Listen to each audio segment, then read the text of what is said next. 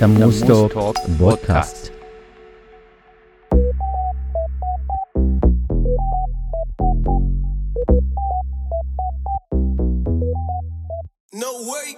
مرحبا وياكم بسام بولس من تموز توك نستمر وياكم في الحلقة الثانية من موسم ازدحام بغداد.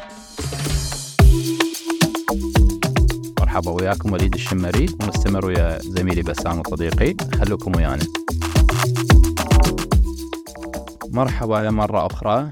مستمرين وياكم بقضية ازدحام بغداد. نناقشها ونحاول آه، نستوعب حجم المشكلة. طبعا آه، إحنا ما حكينا على تأثير آه، الانبعاثات من السيارات أو سبب الازدحام. قضية تلوث الهواء قضية مهمة جدا. إحنا راح نتكلم بخصوص هذا الموضوع عن بعض الإحصاءات من موقع IQAir موقع IQAir هو موقع يقيس مستويات آه، جودة الهواء بناء على تركيز الجسيمات المحمولة جوا اللي تضر بالرئة والمعروفة أيضا باسم PM 2.5 يتم الاستشهاد بمسحها السنوي على نطاق واسع من قبل الباحثين والمنظمات الحكومية. وحسب هذا التصنيف آه، العراق آه، حسب هذا التصنيف الدراسة مستمدة من سنة 2018 لحد سنة 2022 العراق يقع بالمرتبة الثانية بنسبة 80.1 أما إحنا نتحدث عن العاصمة بغض النظر عن المدن العراقية الباقية العاصمة تقع في الترتيب ال 13 بالنسبة لعواصم الدول البقية ولنفس المدة من سنة 2018 لحد سنة 2022 نعم صديقي وليد أنت تحدثت عن آه، مقاييس وعن نسب ذكرتها حاليا. ممكن تبين أن أو للمستمعين تفاصيل أو نبذة عن هذا المقياس؟ المقياس هو ال PM 2.5 مؤشر هو جودة الهواء. ال PM آه، اختصار لكلمة آه، matter يعني الجزيء الجزيء الدقيق أو الجسيم الدقيق. آه، هذا يعني خلينا نقول الحجم مالته ينقاس بالمايكرو متر. وهو ال 2.5 يعني أو 2.5 هو حجم هذا الجسيم. طريقة القياس تكون متر مكعب من الهواء حجم هاي الجسيمات ووزن هاي الجسيمات داخل هذا المتر المكعب. زين طيب أه هاي هذه الجزيئات هذه الجزيئات شنو تأثيرها على صحة الإنسان؟ تأثيرها كارثي طبعا لأن هاي الجزيئات أو هاي الجسيمات راح نستنشقها بشكل يومي. نعم. وراح تبقى بداخل أجسامنا وبداخل رئتنا. إذا ما انتقلت البقية يعني الاعضاء أخرى من أجسامنا. للدماغ تعرف. يعني إحنا من نستنشق الهواء آه راح الدم يبدي ياخذ هاي الجزيئات يوديها لباقي أعضاء الجسم. طيب. آه بعد ما أنه عرفنا أنه تأثيرها على الإنسان كيف يقدر كيف نقدر إحنا أنه نقلل من خطر هذه الجزيئات؟ نقلل يعني أعتقد أنه لازم أكو إجراءات حكومية بهذا هذا الخصوص. وأعتقد بسام أنت يمكن تأيدني بقضية إنه إنه أكو عندنا هواية سيارات قديمة تمشي بالشارع. نعم. صح؟ نعم.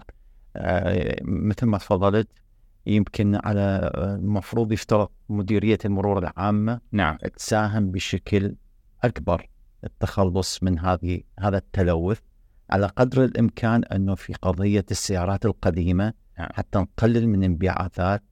و... وأيضا أكو في هالنقطة أشير لها أنه أكو تحول بتحويل السيارات من بنزين إلى الغاز فهل هذا ما أدري يساعد على التقليل من هذه المخاطر من التلوث البيئي؟ هي تبقى تبقى قضية أنه الاحتراق محركات الاحتراق الداخلي هي تبقى أنه أكو انبعاثات لكن أنه أكو مثلا آه، السيارات الحديثة بها تكنولوجيا اللي هي تتعلق ب الإكزوز أو يسمونه حجر البيئة. نعم. آه السيارات الحديثة اللي يعني اللي هسه تدخل للعراق كلها بهذا ال system بهذا النظام. فهذا النظام يعني إنه خلينا نقول الانبعاثات اللي تطلع من السيارات هي عبارة عن مي وثنائي أكسيد الكربون، ثنائي أكسيد الكربون تعرف أنت عملية الأيض الغذائي النبات آه، ياخذ الثاني أكسيد الكربون يطرح آه، الأكسجين. لكن إحنا مشكلتنا بالسيارات القديمة. اللي ما بيها هاي المنظومه هذه المنظومة منظومة حجر البيئة. نعم نعم. فأعتقد اني أيدك بهذا الأمر إنه لازم مديرية المرور العامة تبدي تلقي آليات أوفى الطرق بحيث تحد من هاي القضية. قضية أنه أنه السيارات القديمة اللي تمشي بالشارع وانبعاثاتها اللي تطلع من عندها هواية وتسبب تلوث الهواء. نعم وليد أنا كنت أقصد آه، على مديرية المرور العامة. نعم هذا الجهاز أنه المفروض يفترض به مثل ما معمول بالدول المتقدمة لازم أن يكون هناك فحص دوري على, نعم. على, أقل تقدير كل سنة أو كل سنة. السيارات. كل سنة أو كل سنتين مثلا خلينا نقول. نعم نعم. نعم. ويضمن هذا الفحص الدوري أنه تقلل ويصير التزام من قبل المواطن بالحفاظ على البيئة. نعم. وهذا ضروري جدا حتى نحد من قضية تلوث الهواء. هذا أمر أول. آه، أما قضية أنه قلت المساحات الخضراء يعني إحنا هسه نتحدث بكارثة بيئية موجودة بالبلد. دور المواطن له دور ودوره ما يكون آه، يعني خلينا نقول ما نقلل من دور المواطن. إحنا كمواطنين دورنا كبير بهذا الأمر لكن الدور الأكبر هو على الإجراءات الحكومية بهذا الخصوص. نعم. قضية المساحات الخضراء لازم أكو تدخل حكومي.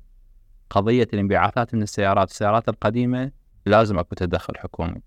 فإحنا في صدد إحنا قلنا بداية الحلقة الأولى قلنا إحنا ما معنيين آه، بإيجاد الحلول. لكن نطرح حلول على أن توصل يعني نتمنى أنه هاي ال- ال- المقترحات توصل لأصحاب القرار. نعم يعني هذا ما نتفضل به أو ما نتكلم به هنا.